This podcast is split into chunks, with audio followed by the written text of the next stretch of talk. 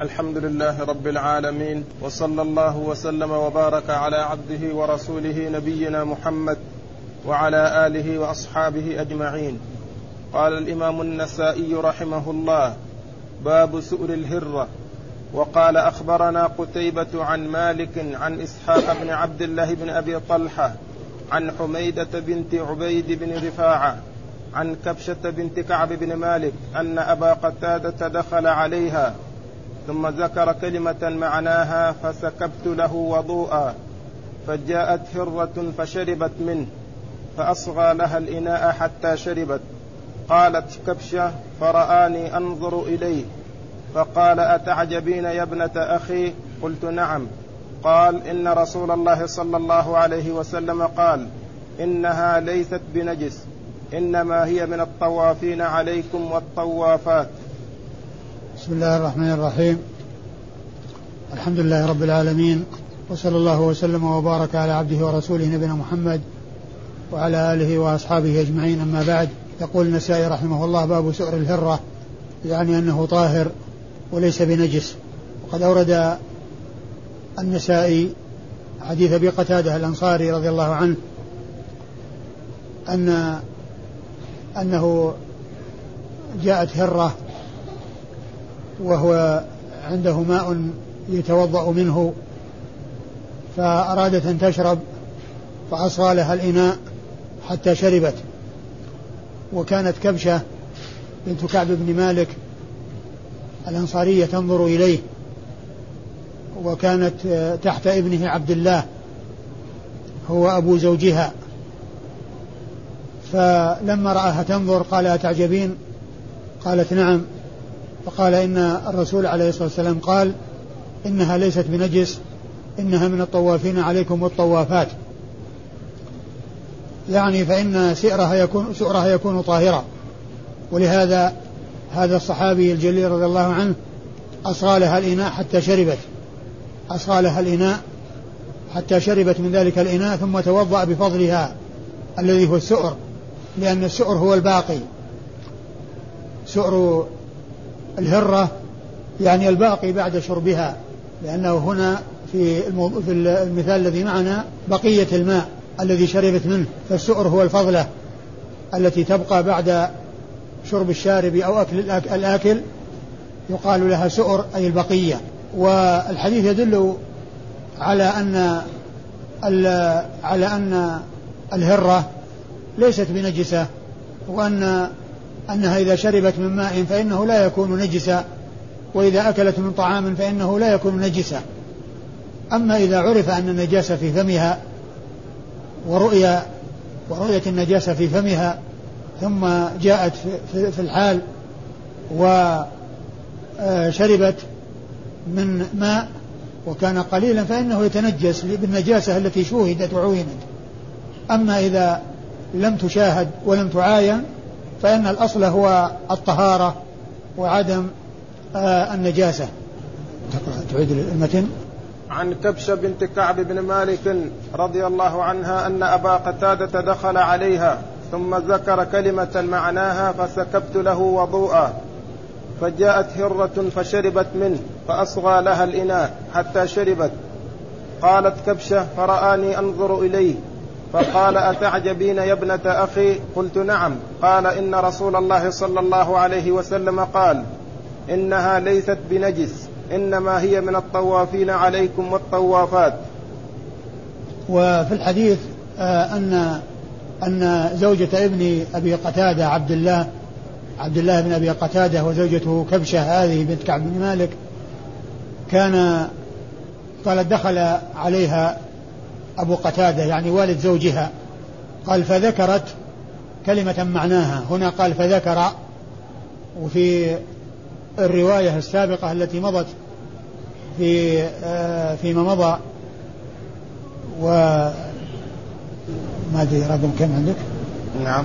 في التعليق. تقدم في رقم إيش؟ 338 68 39 39 إيه.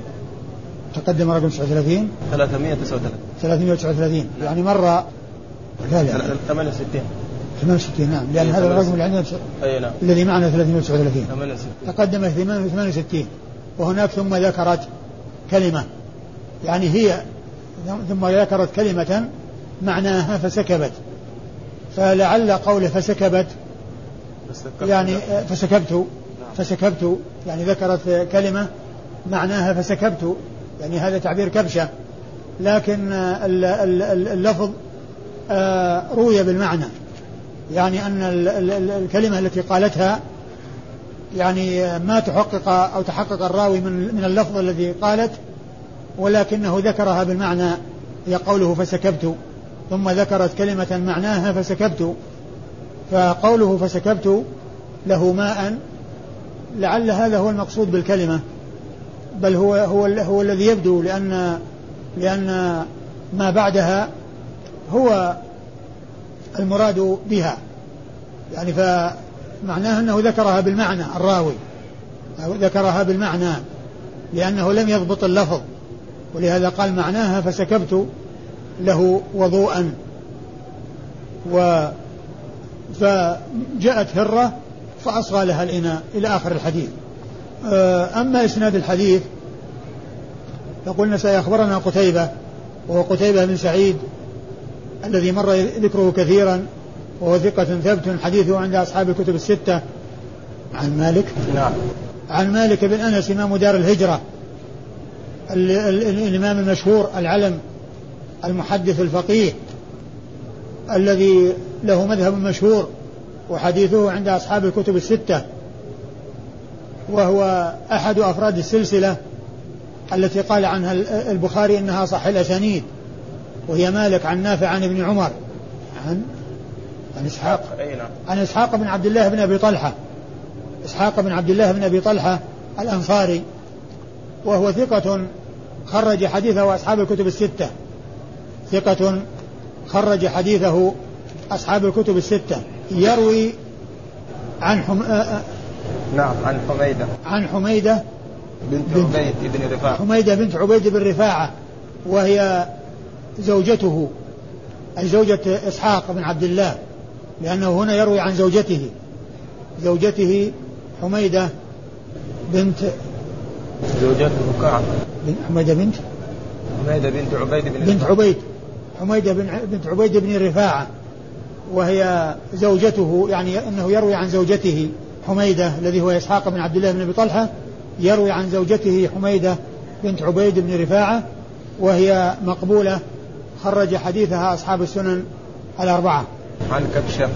عن كبشة بنت كعب بن مالك وهي زوجة ابنه عبد الله آه، زوجة ابن أبي قتادة عبد الله عبد الله بن أبي قتادة وهي صحابية. قيل إن لها رؤية وقيل أنها سمعت رسول الله صلى الله عليه وسلم. وحديثها عند أصحاب السنن الأربعة. أصحاب السنن الأربعة. حديثها نعم. نعم. نعم. عن أن أبا قتادة. أن أبا قتادة الأنصاري صاحب رسول الله عليه الصلاة والسلام وقد مر ذكره فيما مضى. نعم. قال باب سؤر الحائط.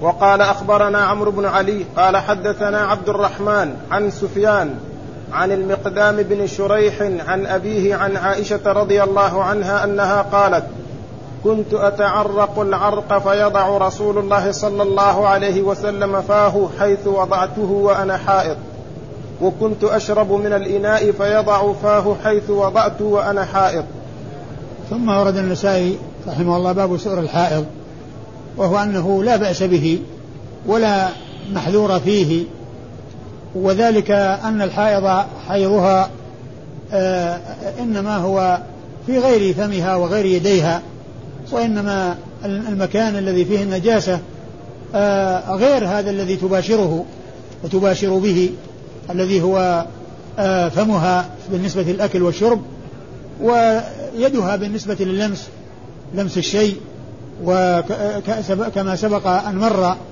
أن الرسول قال ليست حيضتك حيضتك في يدك. يعني كونها تناوله وكونها يعني آآ آه، آآ آه، تناول بيدها فليست الحيضة باليد وإنما يعني آه، الشيء الذي فيه النجاسة لا علاقة له باليد ولا علاقة له بالفم فحيضتها ليست بيدها. وإذا فسؤر الحائض وهو بقية ما تستعمله من الأكل والشرب فاستعماله لا بأس به لأن كونها حائض لا يؤثر على ما تتناوله لا في يدها ولا في فمها. وقد أورد النسائي هذا الحديث في كتاب المياه من أجل أن فيه آه، سؤر, السؤر بالنسبة للماء يعني بقية الماء. لأن عائشة رضي الله عنها قالت كان كنت أتعرق العرق يعني تأخذ العظم الذي عليه بقية اللحم لأن العرق هو العظم عليه لحم يخفف يخفف لحمه فيأخذه الآكل ويأخذ بأسنانه منه وينهيه ولهذا يخفف لحمه لا يكون كثير وإنما يخفف اللحم الذي عليه. فكانت تأخذ العرق وهو العظم الذي خفف لحمه وعليه بقية اللحم فتتناوله بأسنانها يعني تأخذ منه فيأخذه الرسول صلى الله عليه وسلم منها فيضع فمه في الموضع الذي وضعت فمها فيه يعني من العرق الذي هو العظم.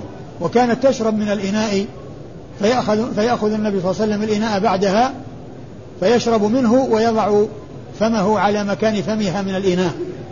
وهذا فيه كمال عشرته عليه الصلاة والسلام لأهله وإيناسه لهم وفيه الدليل على ما ترجم له النسائي وهو أن سؤر الحائض لا بأس به لا مانع منه ولا يتنزه عنه. بل الحائض كما عرفنا فيما مضى آه الإسلام جاء في آه ملامستها وفي آه آه مباشرتها. لكن الجماع هو الذي يمنع منه لأن محل الحرث فيه النجاسة وفيه الدم النجس وفيه آه، آه، المنع. الذي منع أو جاء المنع باستعماله.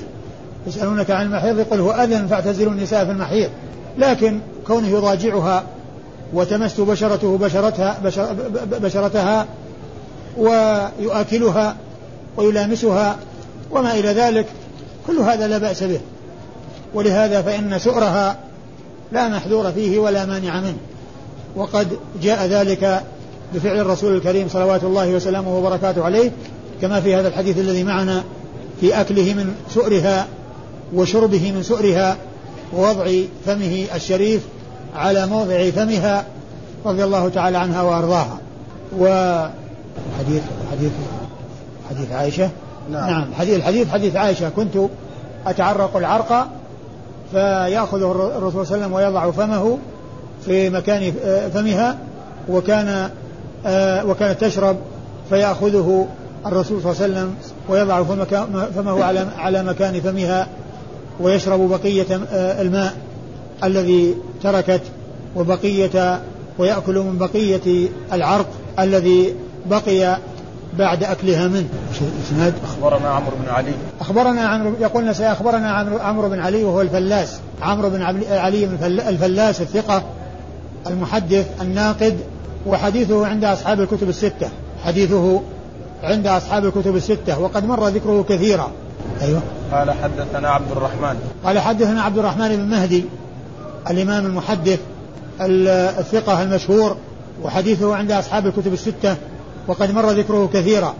عن سفيان. عن سفيان وهو الثوري سفيان بن سعيد بن مسروق الثوري الكوفي وهو ثقة ثبت حجة آه، فقيه إمام وصف بأنه أمير المؤمنين في الحديث.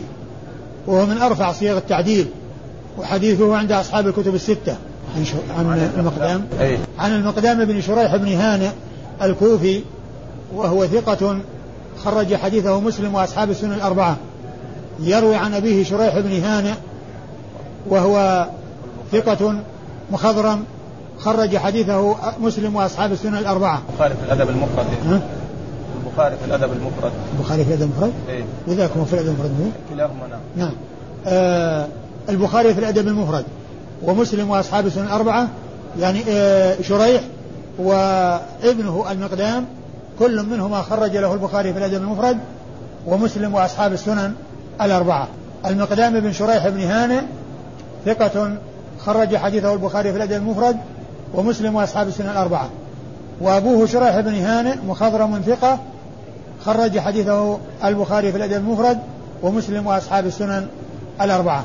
عن عن, عن عائشة. عن عائشة. عن عائشة أم المؤمنين رضي الله تعالى عنها وأرضاها وهي الصديقة بنت الصديق الذي أنزل الله براء التي أنزل الله براءتها من بآيات تتلى في كتابه العزيز وهي التي روت الكثير من رسول من حديث رسول الله عليه الصلاة والسلام وهي أحد السبعة المكثرين من رواية الحديث عن رسول الله عليه الصلاة والسلام والذين زاد حديثهم على ألف حديث وهم ستة من الرجال وواحدة من النساء هي أم المؤمنين عائشة رضي الله عنها وأرضاها وحديثها عند أصحاب الكتب الستة.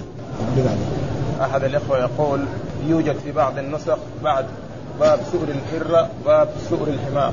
بين البابين باب عنوانه باب موجود في بعض النسخ هو يقول هو سبق أن مر هو سبق أن مر في ال في ال الأبواب السابقة في كتاب الطهارة بعد سؤر الهرة سؤر الحمار.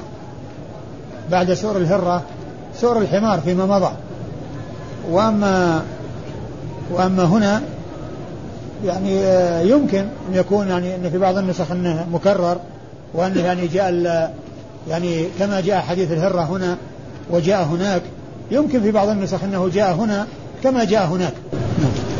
قال باب الرخصة في فضل المرأة. وقال أخبرنا هارون بن عبد الله قال حدثنا معا قال حدثنا مالك عن نافع عن ابن عمر رضي الله عنهما أنه قال كان الرجال والنساء يتوضؤون في زمان رسول الله صلى الله عليه وسلم جميعا. ثم أورد النسائي رحمه الله الرخصة في فضل المرأة يعني آه، فضل الماء الذي تستعمله المرأة في الوضوء أو الاغتسال من الجنابة فإن استعمال فضلها سائغ والدليل على هذا هذا الحديث حديث عائشة. عائشة؟ حديث ابن عمر. حديث ابن عمر رضي الله عنهما.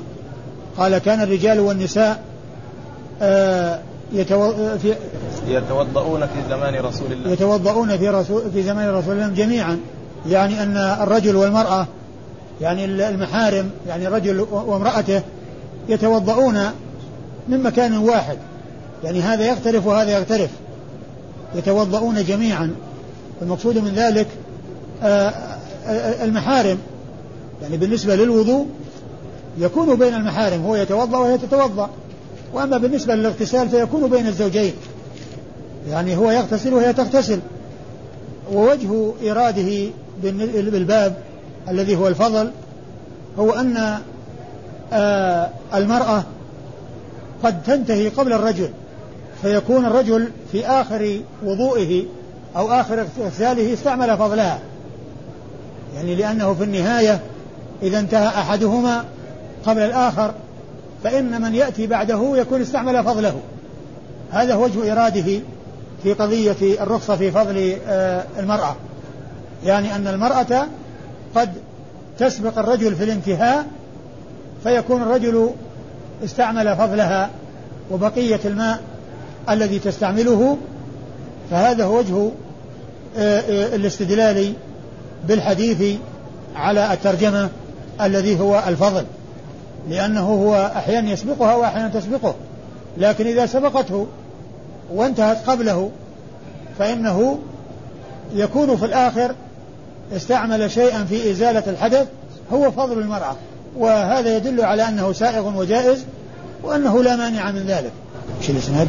أخبرنا هارون بن عبد الله. أيوه. أخبرنا أخبرنا هارون بن عبد الله. وهو البغدادي أبو موسى الحمال. أبو موسى لقبه الحمال. وهو ثقة خرج له مسلم وأصحاب السنن الأربعة. خرج له مسلم وأصحاب السنن الأربعة. وقد جاء ذكره كثيرا يروي عنه النسائي. أيوه. قال حدثنا معا. قال حدثنا معا. وهو ابن عيسى وهو ثقة وهو من أصحاب مالك وهو وحديثه عند أصحاب الكتب الستة. حدثنا مالك. حدثنا مالك ابن أنس إمام دار الهجرة الذي يأتي التي جاء ذكره كثيرا وفي الحديث آه، آه، الأحاديث السابقة هذا اليوم أيضا جاء ذكره رحمة الله عليه. أيوه. عن نافع عن ابن عمر. عن نافع عن ابن عمر. نافع هو مولى ابن عمر وهو ثقة حديثه عند أصحاب الكتب الستة وعبد الله بن عمر هو الصحابي الجليل آه أحد العبادلة الأربعة في الصحابة وأحد السبعة المكثرين من رواية الحديث عن رسول الله عليه الصلاة والسلام وحديثه عند أصحاب الكتب الستة. وهذه السلسلة التي هي مالك عن نافع عن ابن عمر هذه أصح الأسانيد عند البخاري. أصح الأسانيد عند البخاري مالك عن نافع عن ابن عمر. قال باب النهي عن فضل وضوء المرأة.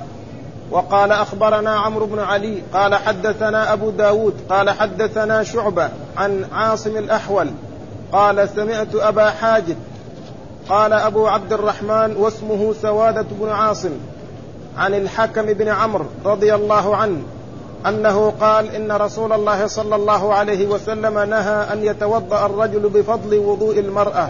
ثم أورد النسائي بعد الرخصة في فضل المرأة آه النهي عن عن عن فضل وضوء المرأة. النهي عن فضل وضوء المرأة يعني كون الرجل لا يستعمله. وما جاء في هذا الحديث يخالفه ما جاء في الحديث الذي قبل هذا والدال على على جواز يعني آه، استعمال فضلها. فيكون الجمع بينهما بحمل يعني ما جاء يعني في الحديث هذا على كراهة التنزيه.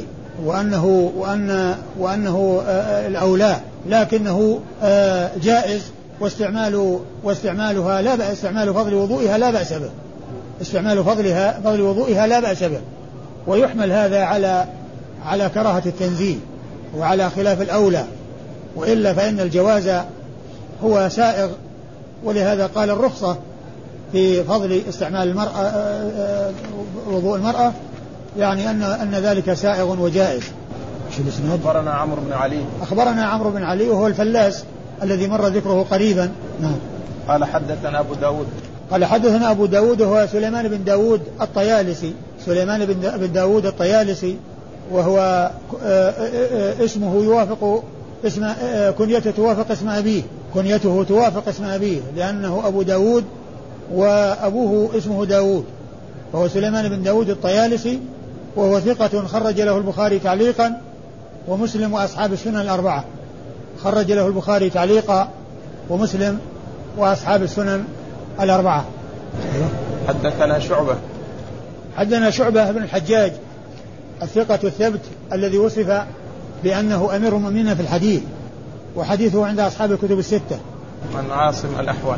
عن عاصم الأحول عاصم بن سليمان الأحول وهو ثقة حديثه عند أصحاب الكتب الستة يروي عن أبي حاجب يروي عن أبي حاجب وهو سواده بن عاصم العنزي وهو صدوق خرج له أصحاب السنن الأربعة. مسلم واصحاب نعم مسلم وأصحاب السنن الأربعة. آه، يقال قال الحافظ بن حجر يقال إن مسلم روى عنه. يقال إن مسلما روى عنه ورمز له في آه، في الطبعه المصرية ميم ورمز له في الخلاصة في الأربعة. يعني ف آه ابن حجر يعني قال إنه يقال إن مسلما روى عنه. عندكم موجود مسلم والأربعة؟ لا هذا نفس الكلام هذا. لا هو يعني كلمة يقال ما هو مجزوم بها. أي. لكن ولهذا في مسلم في, في المصرية رمز له بالميم وهي يعني مصحفة من من من الأربعة يعني العين التي هي علامة الأربعة. نعم. عن الحكم.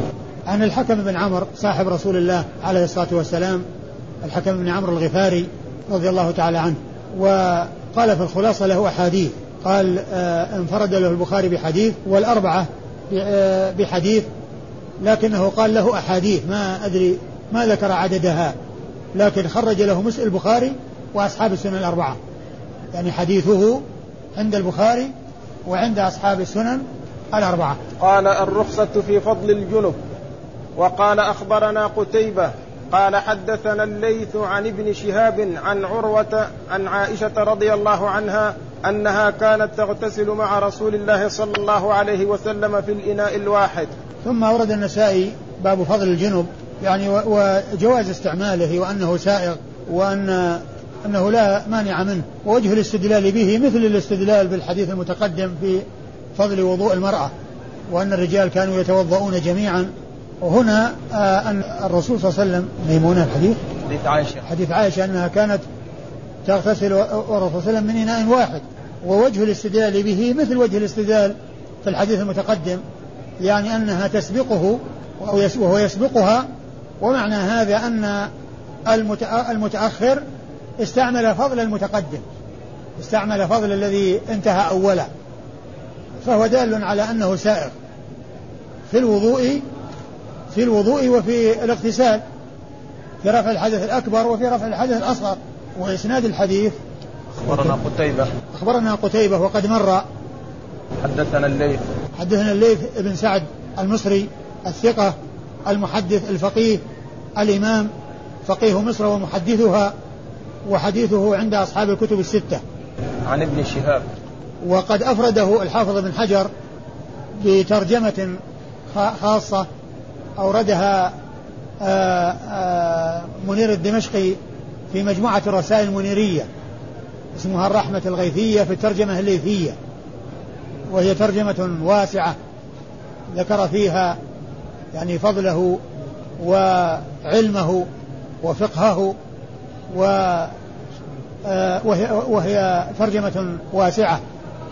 هي مجموعة مثبتة ضمن مجموعة الرسائل المنيرية التي جمعها الشيخ محمد منير الدمشقي.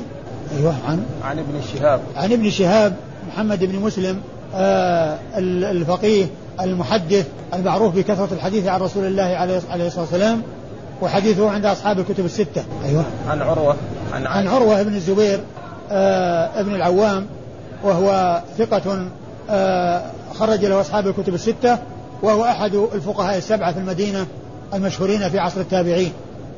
أحدهم عروة بن الزبير بن العوام.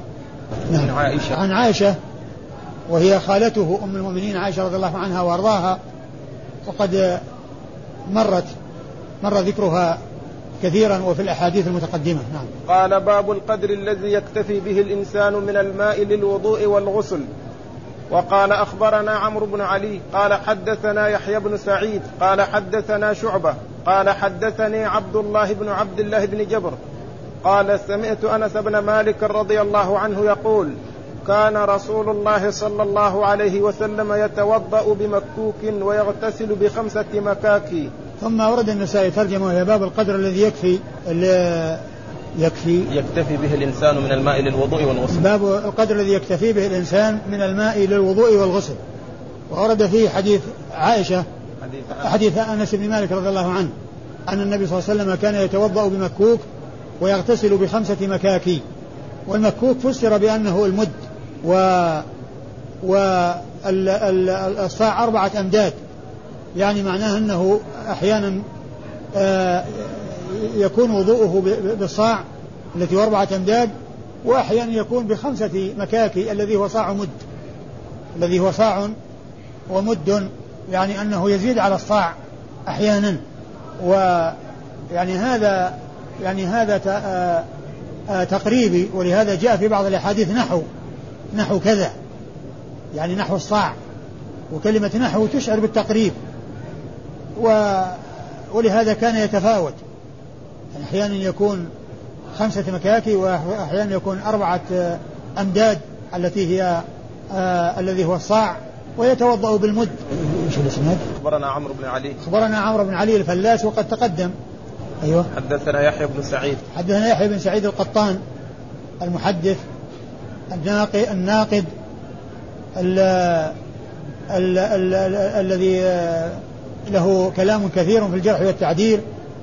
وهو ثقة ثبت حديثه عند أصحاب الكتب الستة.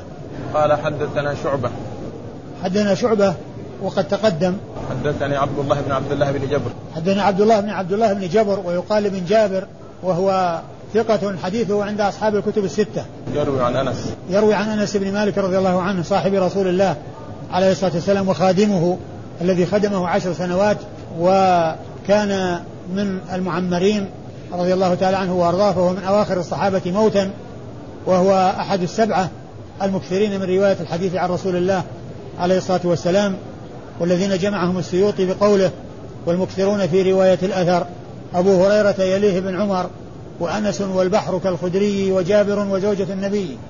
قال أخبرنا هارون بن إسحاق الكوفي قال حدثنا عبده يعني ابن سليمان عن سعيد عن قتادة عن صفية بنت شيبة عن عائشة رضي الله عنها أنها قالت إن رسول الله صلى الله عليه وسلم كان يتوضأ بمد ويغتسل بنحو الصاع. آه، ثم ورد النسائي تحت هذه الترجمة حديث عائشة أن النبي صلى الله عليه وسلم كان يتوضأ بمد ويغتسل بنحو الصاع. وكلمة نحو الصاع يعني تقريبية يعني قد يزيد وقد ينقص. وحديث أنس الذي قبل هذا يعني يدل على زيادته على الصاع لأن الصاع أربعة أمداد. و وهنا وفي الحديث أنس المتقدم يقول خمسة مكاكي يعني خمسة أمداد. فيعني هذا يدل على يعني اختلاف أحواله عليه عليه الصلاة والسلام وأنه أحيانا كذا وأحيانا كذا وذكر لفظة النحو نحو كذا تشعر بالتق... بأن أنها فيها تقريب وأن ذلك على سبيل التقريب وإسناد الحديث أخبرنا هارون؟ هارون بن إسحاق. الكوفي. أخبرنا هارون بن إسحاق الكوفي الهمداني وهو صدوق روى له الترمذي والنسائي وابن ماجه والبخاري في القراءة وهو صدوق أخرج له البخاري في جزء القراءة وأبو وأبو داود والنسائي وابن ماجه. الترمذي. إيه. أبو داود ما فيه؟ لا. أخرج له البخاري في جزء القراءة والترمذي والنسائي وابن ماجه. يعني خرج له أصحاب السنن الأربعة إلا أبا داود. وخرج له البخاري في جزء القراءة خلف الإمام. أيوة. قال حدثنا عبده. قال حدثنا عبده هو بن سليمان وهو ثقة ثبت خرج له أصحاب الكتب الستة. عن سعيد. عن سعيد هو ابن أبي عروبة وهو ثقة خرج له أصحاب الكتب الستة وهو من أثبت الناس في قتادة. وهو يروي عن قتادة بن دعامة السدوسي وهو ثقة حديثه عند أصحاب الكتب الستة. عن عن صفية بنت شيبة. عن صفية بنت شيبة ابن عثمان ابن أبي طلحة من بني عبد الدار و آه هل لها صحبة؟ نعم. قيل أن لها صحبة. ما رجعت لأنها تقدمت. تروي عن عائشة؟ أيوه نعم. عن عائشة. صفية بنت شيبة بن عثمان بن أبي طلحة العبدرية من بني عبد الدار. نعم. في النساء في الآخر؟ السؤال إيش هو؟ صفية صفية. سؤالك إيش؟ صحبة إيه؟ لا صحبة إيش؟ إيش قال فيها؟ صحبة ولا ولا تكلم عنها بشيء؟ في الآخر آخر. هي بنت الشيبة؟ إيه الشيبة بن عثمان بن أبي طلحة. نعم. يقول يعني قبل يقول قبل صفية بنت شيبة بن عثمان بن أبي طلحة العدلية لها رؤيا لها رؤيا وبعدين إثبت سماع البخاري؟ وح... أي نعم? يقول يعني وفي البخاري التصريح بسماعها عن النبي أي نعم. وهي يعني وقيل لها رؤيا وقد جاء عن البخاري ان ان أن التصريح بسماعها من رسول الله عليه الصلاة والسلام. أيوه. يعني هذا هو الراجح؟ نعم. والله هو الذي يبدو لأن يعني حتى كلمة لها رؤيا يعني معناها اصحابي حديثها عند الجماعة. نعم. حديثها؟ حديثها عند أصحاب الكتب الستة. نعم. عن عائشة أيه. اللي بعده. قال أخبرنا أبو بكر بن إسحاق قال حدثنا الحسن بن موسى قال حدثنا شيبان عن قتادة عن الحسن عن أمه عن عائشة رضي الله عنها أنها قالت كان رسول الله صلى الله عليه وسلم يتوضأ بالمد ويغتسل بالصاع. ثم ورد النسائي حديث عائشة أن النبي صلى الله عليه وسلم كان يتوضأ بالمد ويغتسل بالصاع. فهنا يعني فيه ذكر المد وذكر الصاع إلا أنه في الرواية السابقة بنحو. وهنا بالتحديد بدون ذكر النحو بدون ذكر نحو كذا. و آه، حديث والإسناد أخبرنا أبو بكر بن إسحاق. نعم. أبو بكر بن إسحاق هو محمد بن إسحاق وهو ثقة ثبت خرج له هو إيش اسمه؟ محمد بن إسحاق. هو أخو محمد بن إسحاق. ها؟ أخو محمد بن إسحاق ولا لا لا محمد بن إسحاق لأنه متأخر. ذاك أخو محمد بن ذاك متقدم. ها؟ هو متأخر في الطبقة الحادية عشرة أو العاشرة. إيه. من شيوخ النسائي. أنا رجعت هذا غير. محمد بن إسحاق. شوف محمد. هو ثقة ثبت لكن آه، من خرج له رجعت الآخر هذا؟ لا لا ما الآخر ما يصح لأنه من السابعة. إيه. وأما هذا من طبقة شيوخ النسائي. محمد بن إسحاق ابن من؟ ها؟ ابن من؟ محمد بن إسحاق. أيوه بس محمد بن المحمدين. أيوه محمد بن إسحاق عندي أكثر من واحد. أبو بكر أبو بكر. اي الكوفي. هذا عندي محمد بن إسحاق بن عون العامري أبو بكر الكوفي صدوق أيوه. الحادي عشرة. أيوه. روى روى له من؟ لا هذا غير. روى له ابن ماجه. أيوه لا مو. نعم محمد بن إسحاق روى له مسلم والأربعة. أيوه. نعم. محمد بن إسحاق إيش؟ الصغاني. الصغاني. أبو بكر. محمد بن إسحاق الصغاني آه روى له مسلم وأصحاب السنة الأربعة وهو ثقة ثبت. أيوه. نعم. قال حدثنا الحسن بن موسى. قال حدثنا الحسن بن موسى آه الأشيب وهو وهو ثقة خرج له أصحاب الكتب الستة. حدثنا شيبان. حدثنا شيبان وهو بن عبد الرحمن التميمي أبو معاوية وهو ثقة خرج له أصحاب الكتب الستة. نعم. شيبان بن عبد الرحمن التميمي آه، أبو معاوية. نعم. عن قتادة. عن قتادة بن دعامة السدوسي المتقدم. نعم. عن الحسن. عن الحسن وهو الحسن بن أبي الحسن البصري وهو ثقة حديثه عند أصحاب الكتب الستة. عن أمه خيرة آه، آه، مولاة أم سلمة وهي مقبولة آه، خرج حديثه. مسلم والأربعة. خرج حديثها مسلم وأصحاب السنة الأربعة. عن عائشة. عن عائشة أم المؤمنين رضي الله عنها وأرضاها وقد تقدم ذكرها. والله تعالى أعلم وصلى الله وسلم وبارك على عبده ورسوله نبينا محمد وعلى آله وأصحابه أجمعين.